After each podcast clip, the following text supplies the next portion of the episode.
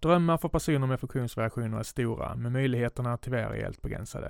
Detta vill Forshagaakademin ändra på genom en ny individanpassad yrkesutbildning på gymnasienivå. Läs mer på forshagaakademin.se. Den här podden presenteras av Maxi ICA Stormarknad ute på Bergvik. Känn dig varmt välkommen till oss på Maxi Karlstad, önskar Christer med personal. Tusen tack för att ni stöttar den här podcasten. Nu rullar vi vignetten.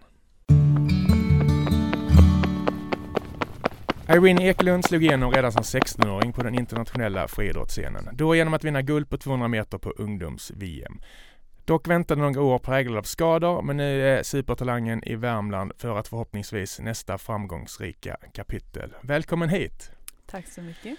Hur mår du? Du kommer hit lite med andan i halsen för du, det var en fruktansvärt eh, dramatisk eh, resa hit, eller hur? Ja, alltså mitt liv brukar vara hektiskt på så sätt att saker går sönder. Mm. Så i morse bestämde sig min bil för att låsa in mina nycklar så då fick jag vänta på att någon fiskar ut dem. Ja, och det ska inte gå att den låser sig när nycklarna sitter i, eller? Det ska inte gå. Men det har hänt två gånger så att eh, man måste liksom ha en dörr öppen om man vill ha bilen på samtidigt. Okej, med reservation för framtida sponsorer så säger vi inget namn på bilen du, Exakt. du åker i. Eh, tack på, på förhand. Men nu är du här och eh, det var inte länge sedan som flyttlasset landade i, i Karlstad. Har du hunnit liksom, har du en eh, adress, har du telefon, har du liksom kommit till rätta än? Ja, alltså jag har ju flyttat in i min lägenhet, vilket känns bra. Mm. Känns som ett bra boende, men jag har ju liksom inte riktigt bott in med än. Nej, Så det är fortfarande lite så, försöker bara landa och så här, känna så här, aha, okej, nu är jag faktiskt hemma i Värmland igen. jag såg i en vlogg att du hade som mål att få till en lägenhet där varje sak har sin plats. Det har inte blivit så riktigt än eller? Nej, jag, tar, jag känner så här, jag tar ett rum i taget Ja. och sen så liksom eh, ska jag strukturera upp det där. Men jag tror, jag har inte tappat hoppet. Vad är det viktigaste i ett, i ett hem för dig? Hmm. Bara att det känns hemtrevligt tror jag. Mm. Mycket värmeljus, älskar ljus Mm. och bara få in liksom detaljer. Och de som vill snoka lite, du har ju en vlogg som vi Mm. kan göra lite reklam för sen, där man har kunnat följa lite Ja, din absolut. eh, inflyttning och så vidare. Jag har intervjuat många eh, toppidrottare genom åren och många är ju väldigt organiserade. Nu fick du ju en tuff start idag med bilen Mm. och sådär. Men, men hur är du? Vanligtvis, det var lite ditt fel kanske, det var ju bilens fel. Mm. Alltså jag är nog inte så organiserad, tror jag. Nej, Faktiskt. Eller, säg, jag gillar att ha rent runt mig men det kan vara lite kaos. mm. Och i allmänhet så är väl mitt liv lite så. Ta det som det kommer, ja, tror jag. du får det att Eh, funka ändå. Ja, medan jag har en kille som är väldigt så liksom, ganska strukturerad så han känner ju att det är en berg och dalbana att leva med mig. Mm. Men ni var inte sambos innan, eller hur? Nej, exakt. Så du är van att få lägga grejer som du vill i, i ditt boende och så vidare? Ja, exakt. Så att jag, jag lever som jag vill. ja, vad skönt. Vi ska alldeles strax eh, prata mer om din karriär, men vi brukar börja varje avsnitt med snabbfrågor för Mm. att lära känna våra gäster. Kul. Är du beredd? Yes. Fullständigt namn? Irene Michelle Ekelund. Född och uppväxt i? Eh, gud, född i Pakistan, uppväxt i Skåne från början, men sen Värmland. När kom du till Värmland? Det var bara några månader eller? Nej, Värmland flyttade jag till när jag var fyra. Okej. Så då, då vi flyttat till Kil. Var bodde ni i Skåne? Eh, Höganäs. Jaha, Mm. okej. Nästan mina hoods. Mm. Du förstår vad jag säger trots Ja. att jag är på Kil. Ja, ja. Det är bra. Men vad betyder Värmland för dig? Vad får du för känsla? Mm, alltså både bra och dåliga känslor. Mm.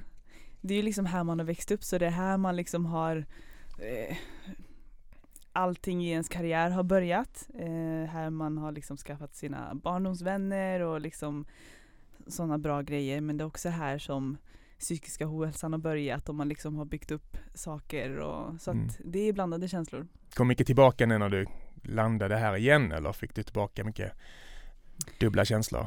Ja absolut. Mm. Jag kände så här, hmm, nu går jag tillbaka i utvecklingen. Inte riktigt men ni förstår vad jag menar. Mm. Ehm, men samtidigt så är det, finns det något lugn här liksom som jag känner känns väldigt bra. Exakt samma som jag. Jag kan ibland sakna att det går så långsamt här. Mm. Att saker tar tid, man får inte tid, man får inte tag på folk och, och så är man i Stockholm en helg och så landar man på stationen här i Karlstad och känner Mm. axlarna går ner lite och så Exakt. vidare. Man får ta det goda med det dåliga. Ja, verkligen. Eh, lyssna helst på. Poddar. Mm.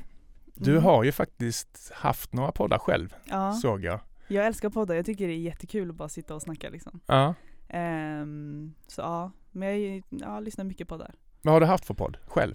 Eh, jag har haft två stycken med två nära vänner. Eh, där vi egentligen bara har pratat om livet.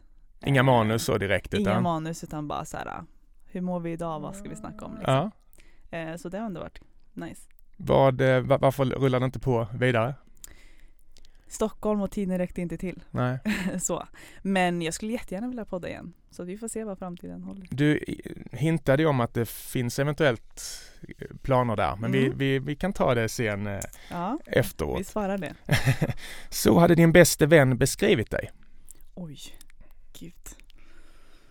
Eh, det var en bra fråga. Hur hade hon beskrivit mig? Eh, lugn, reserverad om vi liksom är ute bland folk. Men om vi bara är vi, eh, lite halvt eh, crazy, snäll, ödmjuk eh, och givande. Mm. Tror jag. När man ser vloggar och sånt på det så känns det väldigt bjussig och transparent. Mm. Är det också drag som, som kännetecknar dig eller? Ja, alltså jag tror att vissa saker, På många idrottare, intervjuer och så vidare, de säger egentligen ingenting. ja, Man får inte ut, ut någonting Nej. som man kan. Alltså Som- jag har väl lärt mig att liksom kunna prata och liksom bjuda. Men samtidigt vissa saker känner jag bara känns så här, ganska lätt att prata om och bra att prata om. Mm. Eh, allt behöver inte vara så fint hela tiden. Nej. Ja. Vi kommer lite till det, Mm. det ämnet. Eh, På din lediga tid så gör du helst? Gud jag bara ligger i sängen och äter choklad och kollar på Youtube. Mm. Källa med hunden. Ja, det är typ det. Men du är även egenföretagare, eller hur? Mm. Så att jag, gud jag gör allt möjligt. Men jag, mest just nu så modellar jag och jobbar med sociala medier. Mm. Eh, men annars gillar jag att vara kreativ. Fixa naglar, fransar Mm. och sådana grejer. Har du någon egen studio på gång eller kommer man hem då till dig eller åker du ut eller vad? Eh, nu jobbar jag hemifrån, Ja. eh, vilket känns bra så här i början. Eh, när man försöker bygga upp liksom någonting. Mm. Eh, sen får vi se. Och inför jul så har du det här erbjudandet. Nej jag skojar. Du får gärna, du får gärna pusha för, eh, för hur man, om man kontaktar dig och vill ha hjälp med naglar och så vidare så kan man Ja, göra det, eller hur? Absolut, ni kan bara gå in på min Instagram och skriva till mig där. Mm. Eh, Irene Michelle Ekelund. Och så svarar jag där. Snyggt. Vad har du för planer där? Är det mest för att det är kul eller har du lite större planer i, i framtiden med de egna projekten? Mm, just naglar och sånt är nog mest för att det är kul och Mm. liksom Jag tycker om att liksom sitta en stund och bara fixa lite. Mm. Eh, men allmänt med sociala medier och sånt så vill jag ju absolut växa och liksom bara hitta på nya projekt. Där och då upptäckte du att du var snabb. Oj. Det var nog mina föräldrar. De sa att jag alltid sprang runt så att det var de som ville att jag skulle börja. Ja, du var ett jag- rastlöst barn eller? Ja, jag tror det. Ehm, grät så fort jag inte hade något att göra. Ja. Eh, men eh, så det var nog de som, eh, eller min mamma och min styvpappa som liksom såg det. De satte dig liksom på friidrott eller? Var det... var de som ville det. Eh, det enda jag minns är liksom att jag grät och bara ville inte åka till träningen liksom. Nej okej. Eh, men sen gjorde jag min första tävling, kom delad etta och då bara "Gud, det här var jättekul. Mm. liksom. Det är kul att vara bra på något. Mm, Det är det som exakt. gör mycket. Men hur, många gånger grät du innan du började tycka det är kul? För jag brottas själv med en son som inte verkar jätteintresserad av Mm. idrott som jag, som jag är. Alltså jag tror att det var den där första tävlingen som fick mig att så här, äh, tycka att det var kul för Mm. att jag märkte att det gick bra. Mm. Typ. Så man ska Eh. inte ge upp träning tre om barnet... Nej exakt för att jag ville verkligen inte. Nej, ja. ja, men det låter bra att höra. Finns det någon idrott som du är hopplös på? eh, bollsport. Alla bollsporter? Ja, jag har inte testat så många men ja, ja typ. Mm. Badminton kan jag vara, är det en bollsport? Ja, Ja. fjäderboll heter det va? ja. Kanske. Ja, men det kan jag ändå och- vara okej på. ja. Men allt annat nej. Men du måste ha jättefördelar. Kan du, jag är gammal baskettränare. Kan Mm. du dunka en basketboll? Du är även längd... Har du testat det någon gång? har jag inte testat. Nej, Men jag är liksom inte så smidig. Nej, jag kan liksom inte riktigt. Du är inte så explosiv.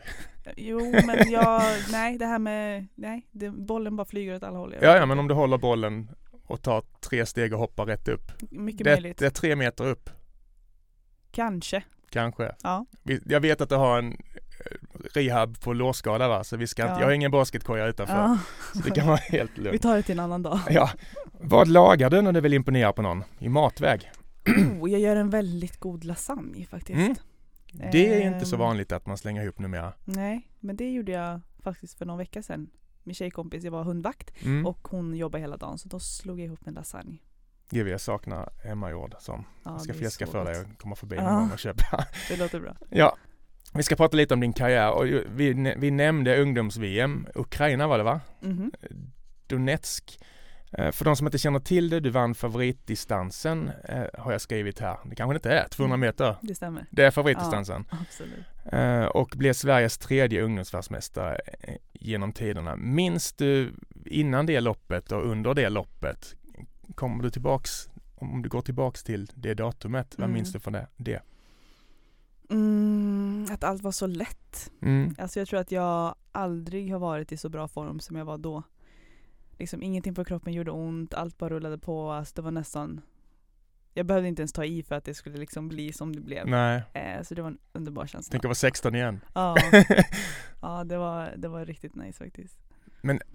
När man är i den formen och man har inga skavanker och så vidare, hann du liksom njuta av loppet eller vad gick? Tänkte man något under ett sånt lopp? Jag tror jag tänkte mer, i finalen så var det nog mest nervositet, men jag tror att i semifinalen eh, då tror jag jag sprang på typ så här 23.0 någonting. Mm. Och jag märkte så här, oj, alltså det här bara gick och jag gjorde typ ingenting. Alltså, så här, för min tränare innan hade sagt så här, ta det lite lugnt, liksom, vi har ändå tre lopp, du ska orka. Mm. Och det bara gick. Mm. Och sen så till finalen så var det lite så här, jag kan vinna det här. Mm. Liksom. Det kanske händer. Men när du reste dit, hade du tankar på att du skulle vinna, att du hade chans eller var du helt Nej, alltså jag vet ju att jag, Du känns ganska bekymmersfri så gällande din... när jag var yngre så var jag, Ja, nu är inte lika mycket. nej. Men eh, nej, jag, jag tror inte jag tänkte så mycket att, så här, att nu går jag in och vinner liksom, utan jag kände bara så här, nu gör jag mitt bästa så får vi se hur långt det går Mm. liksom. Vad hade du för känslor i kroppen när du passerade mållinjen? För det var ganska, var det stor marginal eller? Mm, lite tror jag. Ja, det var hyfsad marginal tror jag. Ja, jag vet, jag tror jag bara, ja, det var bara kul. Mm. Ja. Och fjärde bästa tiden genom tiderna har jag skrivit här. Det var en riktigt bra tid i alla fall, så mycket vet vi. Mm. nära Linda Haglund. Jag är lite äldre än mig, men även Linda Haglund är lite före min tid. Men det är ett stort namn inom, Mm, inom svensk. Har hon fortfarande rekordet? Ja, Hon har det? yes. Okej. Hur mycket förändrades livet för dig därefter? Gick du i nian då eller? Eh, Ja, det måste jag ha gjort. Mm. Eh, nej men det var en speciell tid. Jag var ju väldigt så, inte van vid media, inte van vid liksom uppmärksamhet. Ehm, även idag så, kanske låter konstigt eftersom jag är på Youtube och allt möjligt, men Mm. även idag så känner jag liksom inte riktigt mig bekväm med liksom att vara i rampljuset, eller vad man säger. Eh, så det blev väldigt hektiskt. Mm. Samtidigt som jag kanske inte hade det bästa teamet runt mig som också bromsade och bara så här stopp, stopp, stopp. Hon är faktiskt bara 16 år. Mm. Eh, vi tar det här liksom ett steg i taget.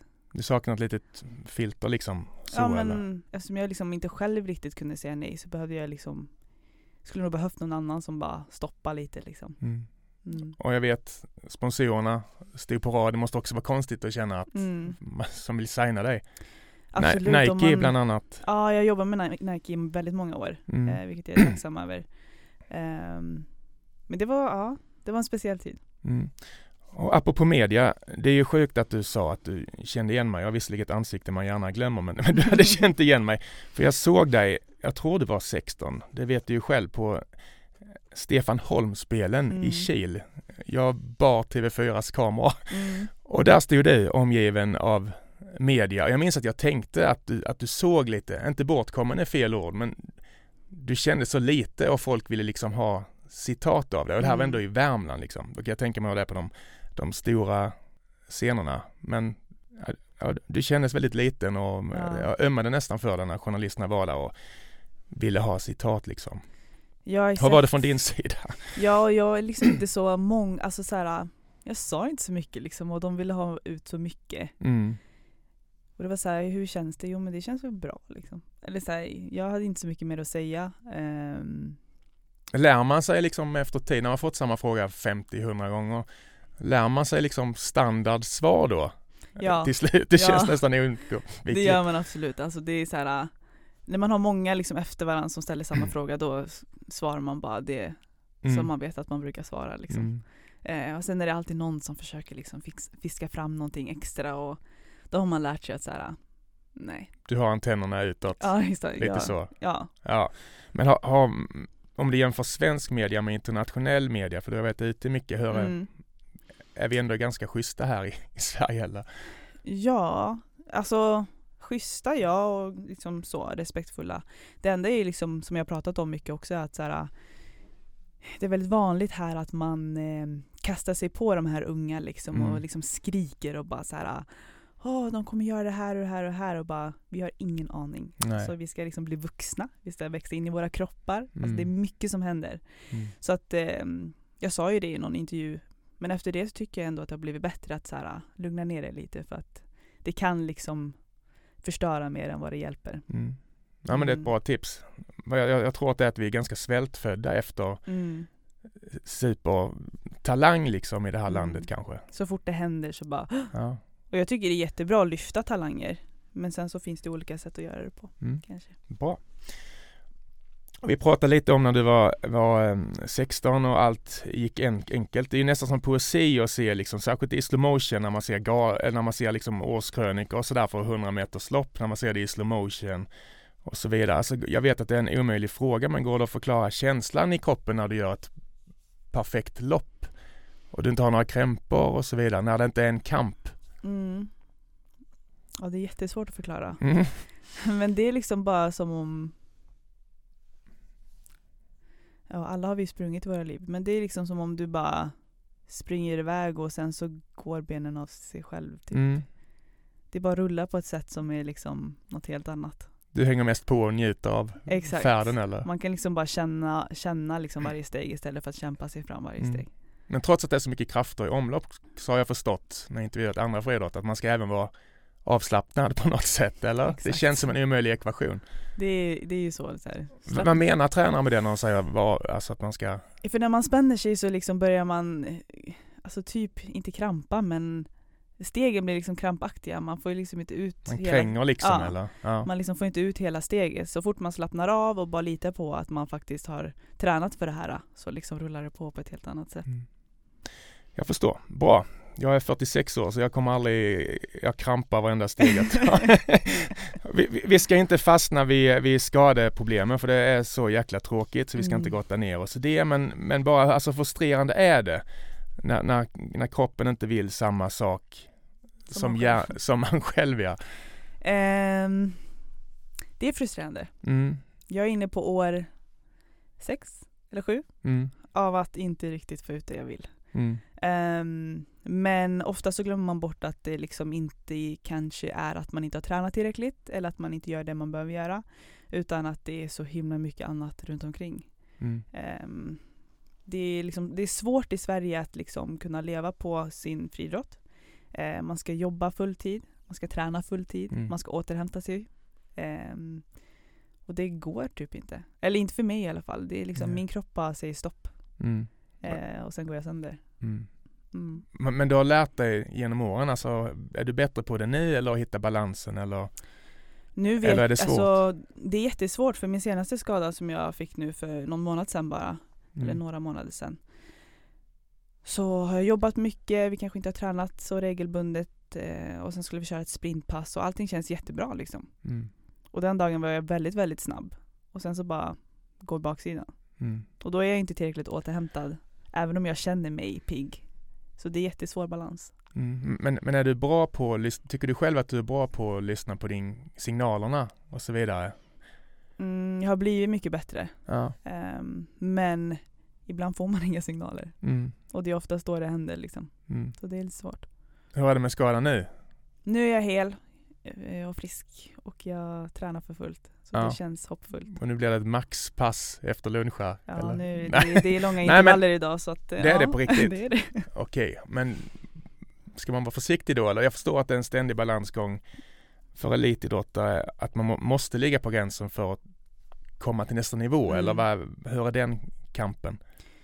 Ja, alltså det är ju liksom helt galet vad vi håller på med egentligen Mm. eh, med kroppen. Men man måste ju alltid kunna pusha sig själv för man vill ju bli snabbare.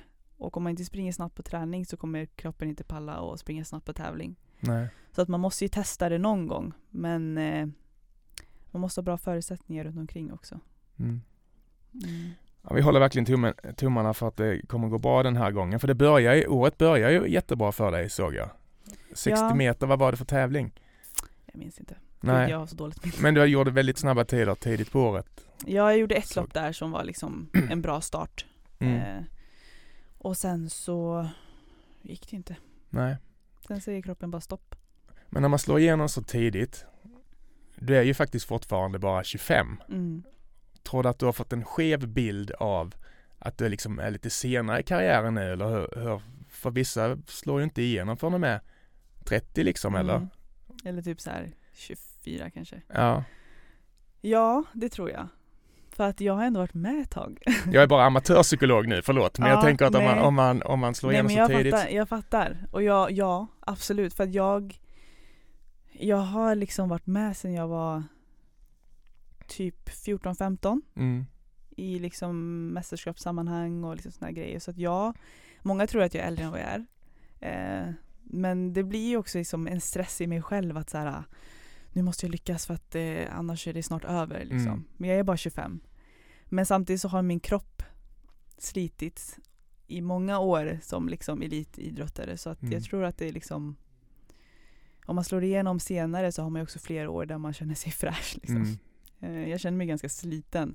Men Din kropp är liksom inte som en 25-åring som varit ner på Ayia Napa och tagit lugnt och, och så. Utan du, du, den har fått jobba hårt Den och har, ju det. extremt. den har ju det. Så att, eh, men ja, jag har många år kvar men jag har också hållit på i väldigt många år. Mm. Mm. Ja, fan, jag minns ju Merlin 80 och så Mm. vidare. Hon var ju Mhm. grym fram till 40 nästan. Ja, jag försöker bara peppa lite Det här. finns, det, Det finns hopp, helt klart. Vi pratade lite här innan att under Karlstad kalla paraplyet så ligger ju även Funkisliv eh, som i många år har lyft eh, funkisfrågor och bland annat eh, psykisk ohälsa och så vidare. Och jag minns att jag blev glad när du för några år sedan lyfte frågan att, att, om att du hade en eh, jag blev inte glad att du sa att du hade depression, inte det jag menar, men just att någon tuff, cool, framgångsrik eh, kvinna tog upp det ämnet. Mm. Det har blivit mycket vanligare att man, att man pratar om det. Eh, vad fick dig att gå ut med det så? Det var ju en vlogg, eller hur? Mm, exakt. När kände du att det var din syster som sa till dig att nu är det kanske dags att, Mm. att prata med någon, eller? Ja, alltså jag började ju bli lite deprimerad redan i gymnasiet när Mm. jag liksom slog igenom och jag skulle hinna med skola och träna och sen skadade jag mig där 2014 tror jag att det var, alltså ganska rejält liksom. Ehm, och hade svårt att komma tillbaka från det och då bara gick det liksom neråt och neråt och neråt. Och sen kände jag väl bara lite så här att man tänker inte riktigt på att ehm, eller jag fick höra lite så här, men är hon fortfarande i hallen, tränar hon fortfarande liksom så? Och man tänker inte riktigt på att så här, hur mycket jag än sliter och kämpar på träningen, om jag inte är där mentalt då ger det Men mig. du beskrev dig själv som en, en zombie såg jag Ja, i en annan intervju. Var det så du gick omkring Ja eller? men lite så bara, kom dit, gjorde det jag skulle göra, uppfattade liksom inte riktigt vad jag gjorde. Nej. Gick hem, jobba, ja, och bara lät dagarna gå. Och är man inte Ehm, med i huvudet så, så ger det inte resultat heller det- fysiskt nej, eller? det, eller inte för mig gjorde det inte det i alla fall. Nej. Ehm, och sen var det ju min syster där som De märkte väl att när de hälsade på mig att jag liksom inte riktigt var där liksom. Utan de kände väl lite så här, det känns inte ens som du vill att vi ska vara här. Medan jag inte ens har märkt att jag liksom, Nej. att det var så.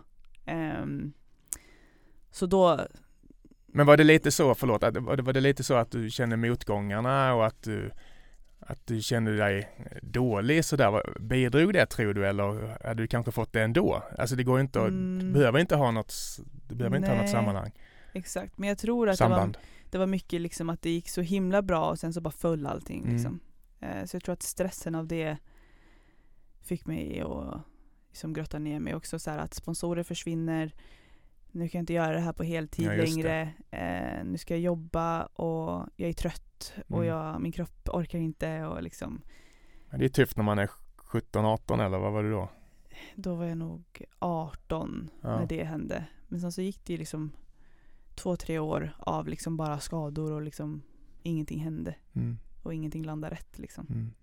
Mm. Och du valde att berätta det i en, i en vlogg. Mm. Alltså minns du den inspelningen och, och vad var reaktionerna? Ja, det minns jag. Jag, jag bara kände bara en dag att så här, ah, det är väl, alltså, det är så himla mycket press och stress och liksom, och jag kände bara nu får det vara bra. Eller Mm. så här, nu får, nu får vi liksom berätta sanningen och att så här, så här ser det ut. Eh, Det ligger korten på bordet. Exakt. Ja. Så här ligger det till. Eh, det är mycket i mitt liv då liksom som gör att det inte blir som det blir Mm. tyvärr. Eh, och jag fick väl ganska bra reaktioner. Men också många liksom, journalister som hörde av sig och var så här Shit, då har vi bidragit till liksom det här. För Ja, jag de gjorde ju- ändå. Ja, för jag Det är pratar fint ju, ändå. Mm, jag pratar ju mycket om det, liksom, att press och stress och tidningar och förväntningar. Liksom. Eh, så det var väldigt fint att eh, få se att det ändå liksom landade lite hos folk och att de insåg att så här, oj, Mm. vi kanske ska tänka lite på hur vi gör det här. Mm. Ehm, mm. Och jag, jag såg att en av sakerna som, ehm, som du ville förmedla var väl att, att inget som syns på utsidan egentligen Exakt. så. Ja. Viktigt att, att få fram det. ja, verkligen. Alltså jag är en ganska happy clappy tjej liksom. Så. Mm. Ehm, så det är nog absolut ingenting som man ser. Nej. Eh, Och- och oftast gör man inte det. Så att, ja. Och det gick till en idrottspsykolog. Mm, Hur mycket började- hjälpte det? det var, jag förstod att det var en positiv Ja, upplevelse. verkligen. Jag började gå hos Göran, heter han. Ehm, jag gick där i, gick jag där i ett år, typ. Eh, där han hjälpte mig liksom, för jag var ganska fast vid att jag liksom inte ville börja ta mediciner och sånt. Eh, bara för att jag själv kände att jag inte ville det. Eh, Är man kontrollfreak som idrottare så att man vill veta vad man får i sig och så eller? Det också, men sen kände jag väl liksom att så här, men jag vill börja med att se om, om han bara kunde hjälpa mig att tänka om lite och liksom ehm, och ge mig verktyg till att så här, okej men hur ska jag tänka när det blir så här eller när jag känner så här och vad ska jag göra? Mm. Eh, och det hjälpte mig väldigt mycket. Eh, så då kände jag att jag inte liksom behövde någon medicin så. Mm. Mm. Och de här verktygen, jag förstår att det är privat, men finns det något du kan säga som du varningstecken eller som du liksom har med dig i, Mm. in i framtiden? Ja, alltså jag är ju, man, bara, man har ju några bokstäver tänkte jag säga. Jag är inte bara deprimerad. Nej. Nej men jag eh, lider av, eller vad man ska säga, ehm, jag har ju ADHD Mm. och OCD. Mm. Så att de två liksom eh, slåss ibland så. Ehm, men, och har lidit av väldigt mycket ångest. Och någonting som han sa till mig då var liksom att så här, för oftast när man har ångest så känner man ju så här, nu dör jag liksom. Nu, det här kommer aldrig gå över. Och han sa bara till mig liksom, se det som moln på himlen, molnen finns där men de kommer alltid försvinna någon gång liksom. Och det försöker jag tänka på liksom när jag ligger där och bara, ah, det här kommer aldrig gå över liksom. När du låste in nycklarna i bilen. Exakt. Där är molnen. Då går molnen, flyger förbi. Så då, ja. Mm. Men det var inget sådär jätterevolutionerande så som du inte hade tänkt på utan det var ganska enkla saker hur man tar sig vidare eller? Ja, men hyfsat enkla saker. Ni pratade i ett år. Jag förstår att det inte går att Mm. sammanfatta det. Exakt. Men, Men eh, mer bara att han utmanar mig liksom Mm. och bara, ja men när du känner så här, gör så här istället. Och liksom, ja lite utmaningar och, och sådana grejer. mm. Mm. Hur ser dina dagar ut eh, numera i Karlstad? Du ska iväg och jobba lite här efter förstår Mm. jag. Hur mycket är du i nya hallen och så vidare? Eh, jag försöker vara i hallen varje dag, Mm. så att jag är där varje förmiddag. Bidrog Ja. det förresten till att du flyttade tillbaka så att det har kommit en så fin Jag har inte sett anläggningen men jag har hört att den är Ja. otrolig. Nej, men det är ett bonus. Det är en det är bonus. faktiskt väldigt, väldigt Ja. fint där inne. Eh, Det regnar inte in som i Voxnäshamn i Nej fall. exakt, och det är ljust och fräscht och stort liksom. Ja. Ehm, så det är en väldigt fin hall. Mm. Ehm, men jag försöker vara där varenda dag och träna. Ehm, och sen jobba lite på sidan. Mm. Ehm, men bara försöka få till så jag bara kan träna så mycket som möjligt. Mm. Jag såg i, i en annan vlogg att det var lite sådär mm, transparent om att har jag gjort rätt? Mm. Alltså modigt ändå att man ens säger det. Mm. Fan du får inte döma Karlstad för ett eh, regndaskigt Ja. november, december. Så är det ju. Det är ju Ja. värsta tiden nu tycker jag i alla fall. Men hur, hur känner du nu? Alltså det går lite upp och ner. För Ja. att jag känner så här.